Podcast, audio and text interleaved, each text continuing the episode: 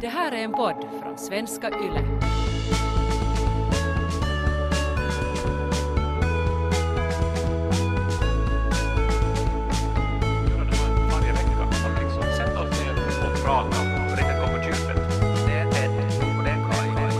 Välkomna till den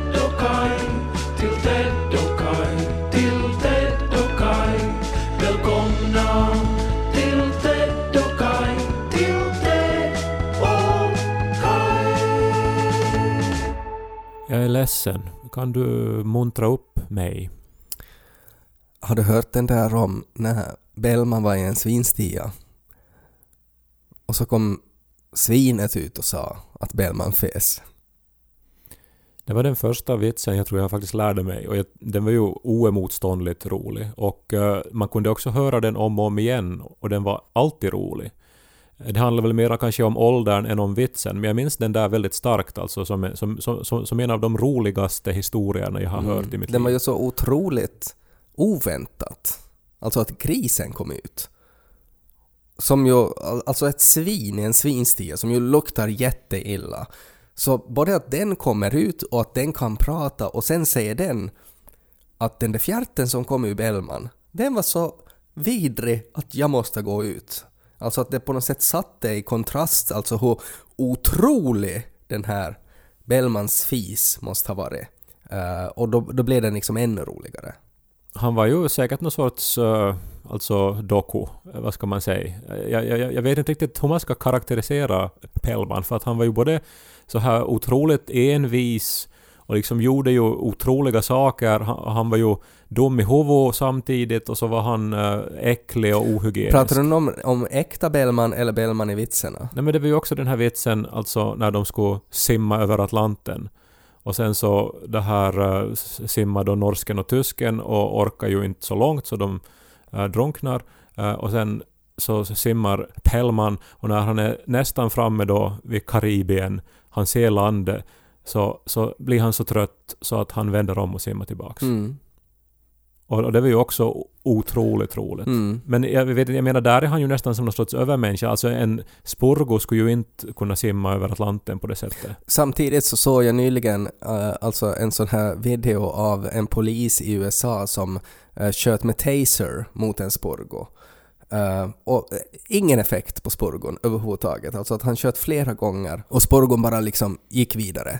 Att det var så mycket alkohol i kroppen så att man blev liksom som någon sorts Frankenstein som kunde stå emot vilken smärta som helst. Så att Pellman hade kanske som druckit sig till ett sånt skede att han på, på något sätt hade övermänskliga krafter. Det finns ju också den där när han är i ett flygplan och så är det en präst som säger någonting att allt gott kommer från himlen och så har det varit en lång historia då innan om att Bellman på något sätt var otroligt eh, att han behövde uträtta ett behov och så uträttade han då sitt behov. Fast prästen i historien är ju i en kyrka på, på jorden. Mm. Och här kommer ju liksom e- e- en annan aspekt hos Pellman-vitsarna in då, att det finns den här, den här helt osannolika slumpen Mm. också. Att Pellman just då, som prästen säger det här, då flyger över kyrkan. Mm. Och att hans avföring eh, dels då på något sätt lämnar flygplanet, tar sig igenom kyrktaket och träffar då prästen i munnen. Det är ju också någon sorts superkraft möjligtvis, att man kan tänka Ja. att det hör ihop. Verkligen, och sen också att om man tänker att den där, den där bajskorven har liksom just rammat ett kyrktak och liksom ska, att det kommer med en sån hastighet så inte skulle det ju liksom att prästen skulle ju nog få stora skador i ansiktet. Men också vad det symboliserar, alltså att, att när punchlinen var ju då att, att prästen sa att allt gott kommer från himlen och så får han då en bajskorv i munnen. Att vad, vad liksom, ja, vad var take home message av den liksom att ja, allt gott kommer inte från, eller liksom det är inte bara gott som kommer från himlen, alltså Ja, och här känns det ju lite som att det inte är som egentligen så viktigt att det är Bellman som skiter. Nej. Eller, på- alltså, det är ju mera den här ironin över prästens uttalande och det som Mm. händer. Jag tror ju nog att det fanns kanske Uh, alltså, jag menar det fanns ju ett, en stark efterfrågan efter Bellman-historier. Och det finns väl sist och slutligen inte så jättemånga, så att i något skede så började ju nog författarna säkert ta andra historier och bara satte in att det var Bellman som bajsade. De var ju nästan identiska med Normans-historierna förstås också. Mm. Eh, som ju inte heller längre, tycker jag, är i sån heavy rotation. Nej, normen har väl liksom lyckats på något sätt få bort den där den fördomen om Norge. Sen gick det ju att anpassa också. Jag minns när Martti Ahtisaari var president och han var ju eh, omgärdad av, av, av ondsinnade historier också. Mm. För att han var, han var kanske inte så representativ alltid. Nej. Och då minns jag att man skrev om en sån här Pellman-vits där, där de är på någon teknikkonferens och, och så visar då norrmannen upp eh, sin mobiltelefon och så visar tysken upp sin dator. Och sen så råkar då Bellman just då ha skitit ner sig. Mm. Och så säger han att mm, det kom ett fax. Mm. Och den, den, den här skrevs minns jag om så att det var alltså Martti Ahtisaari då som Ja. sket ner sig på den här teknikkonferensen. Ja. Det säger ju mycket nog om en president att man kan på något sätt vända en sån... ett sånt misstag ändå på något sätt, alltså som att bevisa att man har, att ens land har liksom ett teknologiskt försprång. Att, att det är ju nog en egenskap som jag upplever är väldigt bra. Alltså att jag tycker att, att det är en egenskap som alla ledare borde ha. Men det är ju intressant hur många just sådana här sketchkaraktärer vi har sett som världsledare de senaste åren. Alltså, och fortfarande finns ju Boris Johnson. Nu är det ju mest kanske då utseendet jag tänker på Mm. här. Men där fanns ju också det här paradoxala i det, liksom att Ahtisaari var ju inte, alltså att han var ju, han var ju väldigt intelligent och liksom rörde sig i internationella kretsar och sådär, att det var ju också en paradox i det att en sån person skulle skita ner sig och säga att det kom en fax. Att det är någonting Ja, men han gjorde ju sen nog på något vis, alltså hans image förbättrades ju efter att han var president, alltså när han började med de här freds eh, medlingarna och så här. Och han fick ju Nobels fredspris, visst. Ja, jag tror det. Och så här liksom, ha- han har ju verkligen liksom återupprättats eh, i medierna och i folks medvetanden. Tror du det var då till stor del just på grund av de här vitsarna om honom?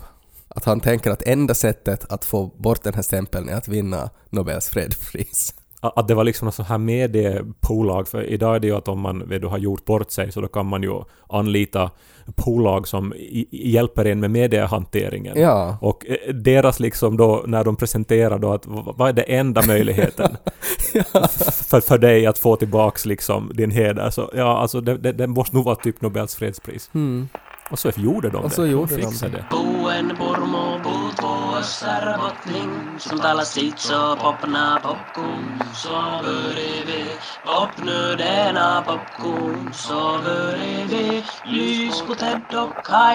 Funkar det då? Nå, jag, jag tänkte på annat en stund förstås. Jag har faktiskt inte reflekterat över Pellman-historierna på väldigt länge. Mm. Så lite grann, ja. Men jag tänkte väl nu, jag la ju det lite på pottan som det heter. Att jag hade ju inte förberett dig på att du måste ha något uppmuntrande på lager. Men jag tänkte Nej. att du är ju ändå en rolig människa och eh, du är ju min bästa vän. Så jag tänkte att, att det är ju det som sådana som du är till för. Alltså du borde ju ha en sån här fröken ur-linje så att man kan ringa när som helst och bli uppmuntrad. Mm, men samtidigt som jag ändå har jobbat med humor och sådär och har en sån bakgrund eh, och någon så här beställer att hej, att nu, nu ska jag behöva muntras upp, så, så det du får då är så här konstiga funderingar kring Bellman-historier. Som ju kan, alltså, alltså är det sådär att känner du att du fick liksom värde för pengarna, att om du skulle ha betalat för Ted Forsströms Muntra upp AB och så skulle jag säga att har du tänkt på Bellman-historien på länge? Men det var ju intressant att just ef- eftersom du var helt oförberedd på att tvingas muntra upp någon, att eh, din hjärna automatiskt, när den skulle säkert då tänka på lustigt, så gick Ja. den till Bellman historien. Ja. Alltså den där ursprungliga vitsen. Ja, den klassiska, den här rena glädjen. Det är någonting med förstås att upprepa trygga saker också. Jag, jag måste faktiskt spela upp här nu åt dig ett klipp. Vi har ju då och då i den här poddens historia återvänt till Arnold Schwarzenegger. Mm. Och, men att nu är det ett tag sedan sist, men han hade ett meddelande som jag tycker att vi kan lyssna på. Hello, my friends at NASA. You know, when I heard about this helicopter ride that you're to do in, in on Mars, it was like I was so excited about that that immediately I wanted to just scream out and say, "Get your ass to Mars!" But then I realized you're already on Mars. I mean, what the hell am I talking about?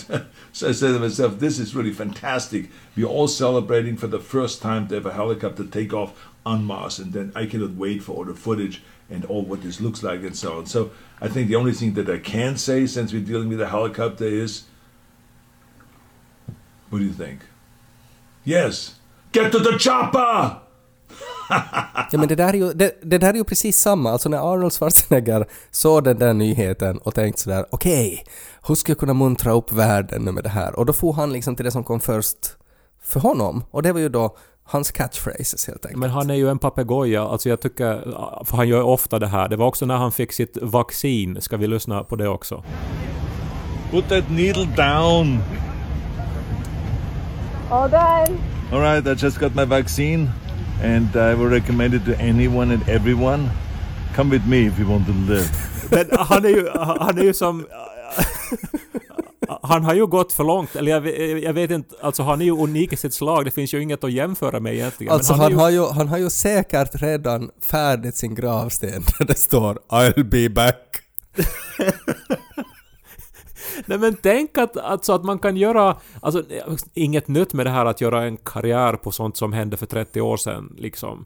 Eh, och eh, jag menar han är ju fan, han är ju en ikon förstås, men nu är det någonting, tycker jag, som är patetiskt med det här. Nej, nu vet du vad? Det finns ingenting patetiskt med det här. Utan... Men hur mycket han älskar sin Nej, egen? Nej, nej. Du, mediabild. du har totalt fel analys av det här.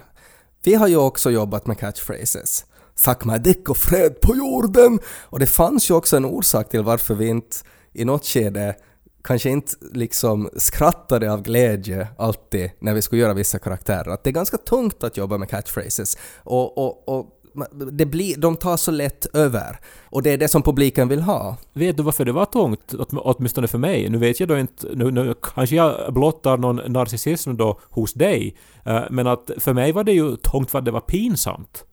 Att, att liksom vara just den här papegojan som ska försöka då, alltså Ja. ba, bara med att upprepa någonting som andra har hört då så ska jag som låtsas Exakt. vara rolig. Exakt, och det är precis det som är min point. Det är inte roligt att göra catchphrases. Men Arnold Schwarzenegger, han vet att i dessa pandemitider så behöver vi nostalgi, vi behöver trygghet, vi behöver enkel glädje.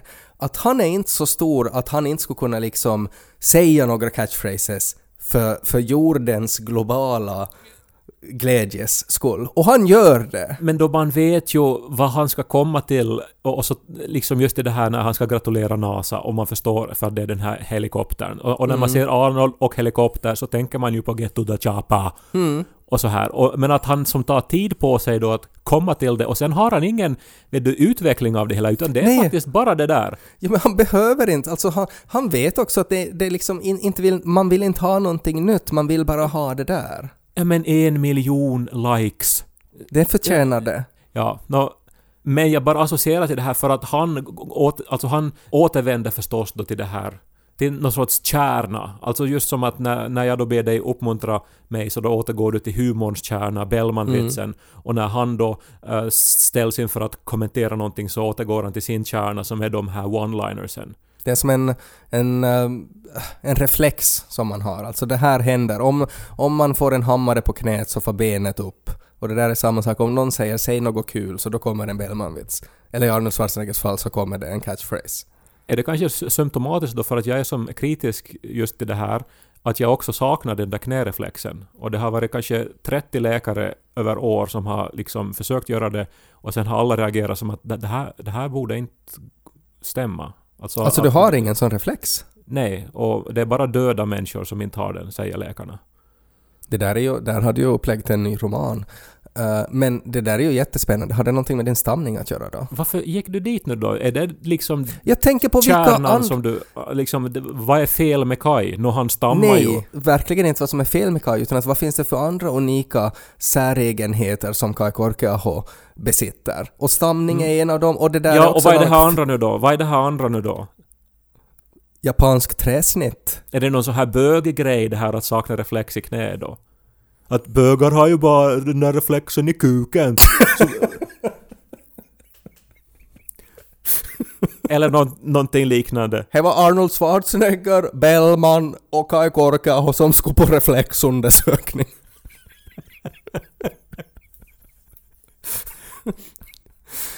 Men du menar då att eftersom du saknar en reflex och du tycker inte om det där och att där skulle det finnas ett samband på något sätt? Jag tycker inte om det här automatiska, det här som är vet du, alldeles för förväntat. Alltså för Mm. det, det som...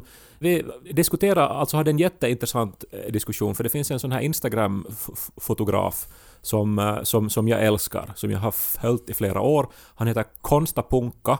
Eh, Han är finsk och han tar jättefina... Vad sa du han heter? Konstapunka? Konsta Punka heter han. Det låter som när jag ska försöka förklara att jag har fått punktering i Estland.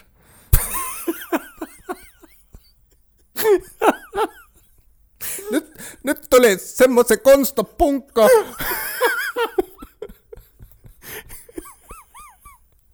Ja, Tarvi, tarvin apua!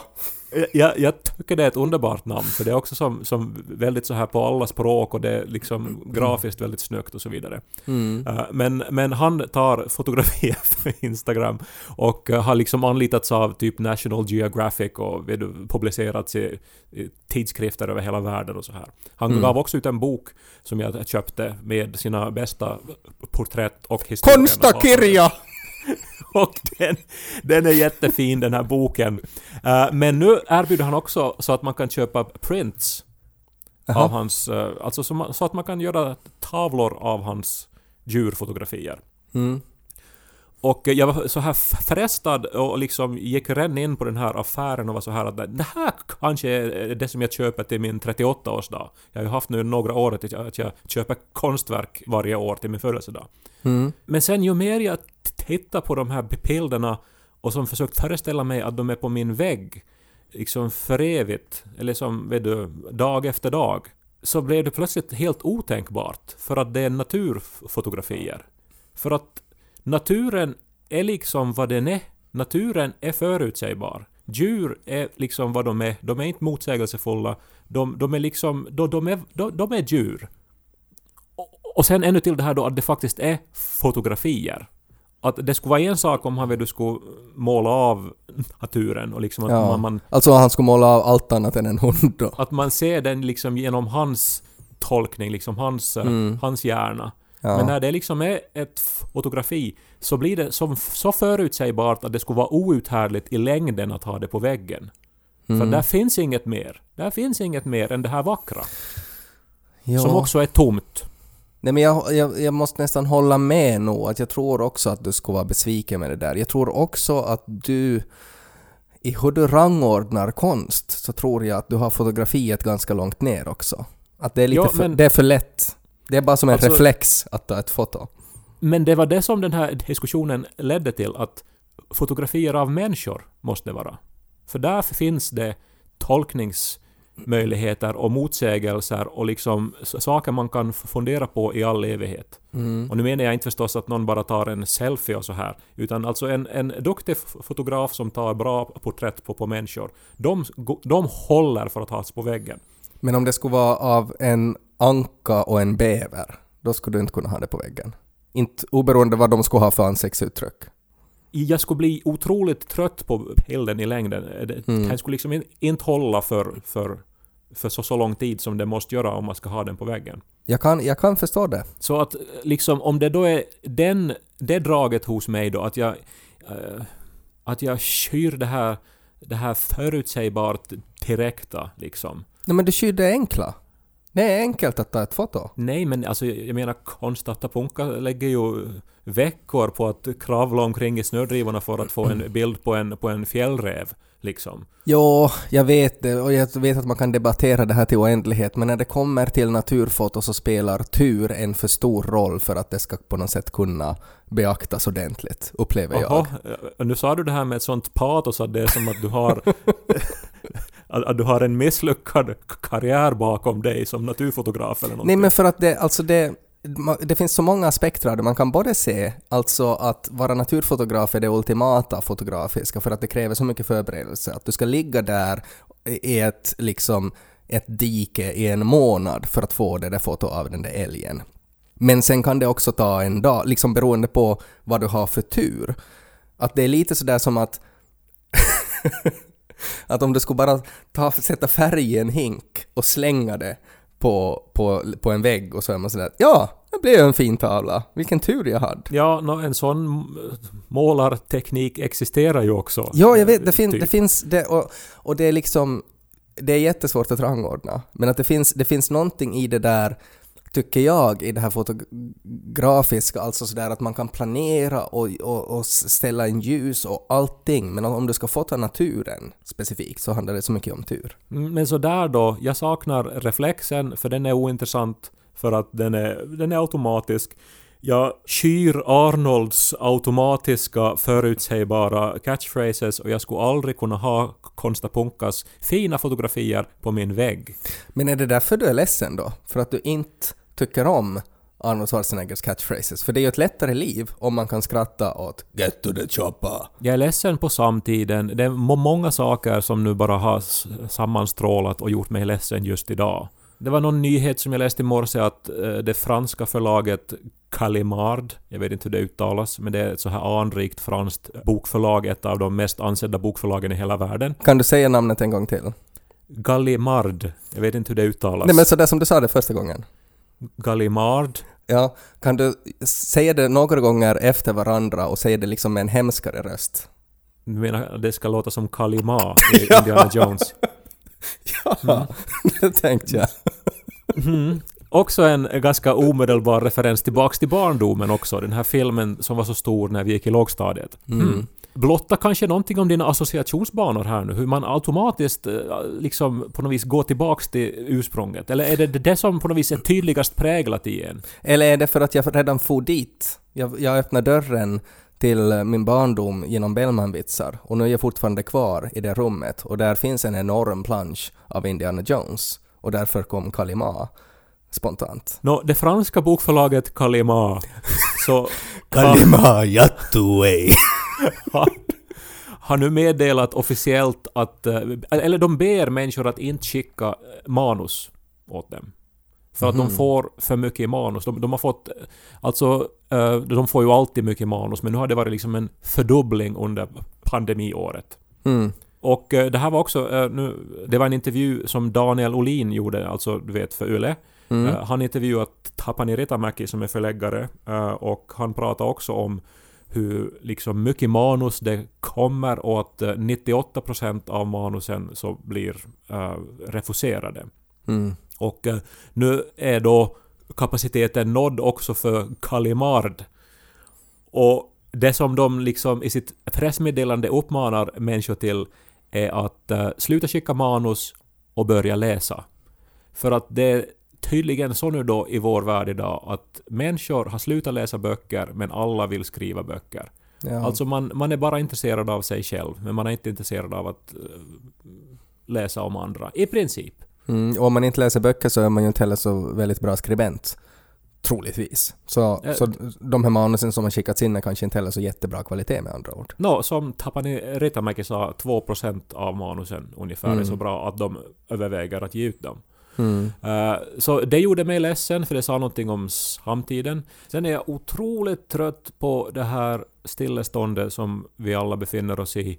Och det har varit någonting med att den här månaden nu har varit så här vacker och eh, för mig i princip helt och hållet ledig. Jag har lämnat in manus, jag, liksom, jag har ingenting som är brådskande just nu den här månaden. Och jag skulle så ha varit någonstans i USA eller i Tyskland eller ute och rest eller hängt med vänner, ätit middagar, varit liksom ute och dansat. Så, alltså, det, det, det är som gjort för det den här månaden och så går ingenting att göra. Och jag är bara trött och ledsen. Och sen dök du upp på skärmen och så tänkte jag, men Ted, Ted Forsström, han kan jag lita på. Han kan montra upp mig. Det var en gång en tysk, en dansk och Bellman. Och de skulle tävla om vem som kunde fjärta en kork längst. Först var dansken, han fjärtade 20 meter. Sen var tysken, han fjärtade 50 meter. Och sen var det Bellman. Han fjärtade så långt att ingen såg hur långt korken flög. Och nästa dag så kunde man läsa i tidningen Kines skadades allvarligt av en kork.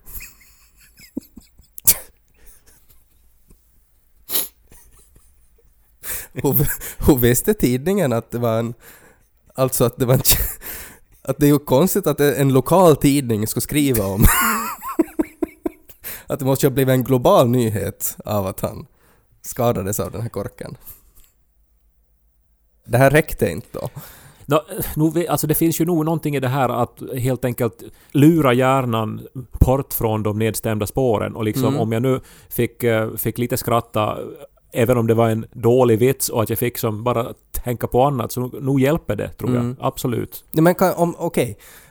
Framtidstro och så här hopp på... Om det är någonting som mänskligheten är bra på, och det här tycker jag också ehm, gång på gång så ges det här exempel i, i skiffy-böcker, men jag blir så jätteglad alltså eh, om vi återgår till Arnold Schwarzenegger, alltså till den här Ingenuity, alltså den här helikoptern på Mars, att på den här helikoptern så har de satt en liten bit tyg från eh, bröderna Wrights första flygplan. Ja, det hade jag inte känt till. Men va, alltså det var tyg på flygplan, alltså på nå Ja! på liksom sätena? No, vad men sätena, vad- vingarna, någonting, alltså det- det som det gick att ta bort från flygplanet från museumet, jag vet inte, men en liten bit av det första flygplanet som flögs på jorden så skickade vi till Mars med det första fordon som vi flög med på Mars. Och bara det där tankehoppet att hur mycket som har hänt på de här åren och att hur de här bröderna Wright om någon skulle ha sagt åt dem då, när de designade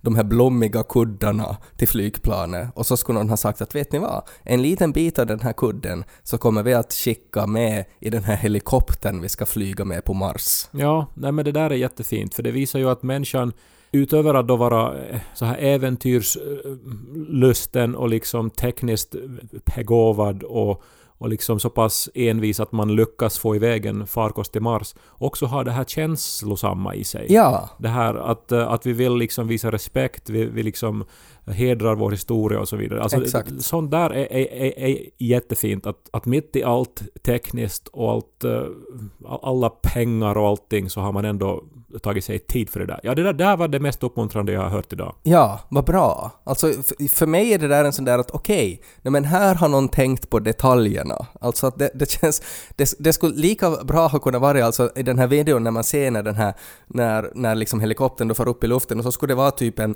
en Lidl-plastpåse som fladdrar vid hjulet jättemycket och liksom är i vägen för kameran som man inte riktigt ser och någon skulle här, ”Oho, ja, jo, jag lämnar i det”. Alltså att, att, att det inte är så, utan att sen när, när mänskligheten faktiskt gör någonting otroligt, så då har man faktiskt liksom tänkt ordentligt. Det tycker jag är fint. Ja, och just inte bara tänkt utan också känt. Ja, Och, att, och, och, och lagt värde i det. Det var det som, som rörde mig här nu, den här historien. mm. Det var ju som typ när jag gifte mig, när det fanns en tanke på att att, eh, för att eftersom mamma har sparat i frysen de första blåbären som jag plockade när jag var barn, att den skulle ha bakats in i bröllopstårtan. Va? Gjorde hon det? Nej, men det var en sån tanke. Sen visade det sig att det är ju livsfarligt att, jag menar, bär står sig nedfrysta i typ ett halvt år. Hon skulle ha förgiftat alltså. När ni tog den där första tuggan så var det de första blåbären du plockade som pojke som tog livet av er. Put down that cookie! Put the cake down! Ted och Kai, Ted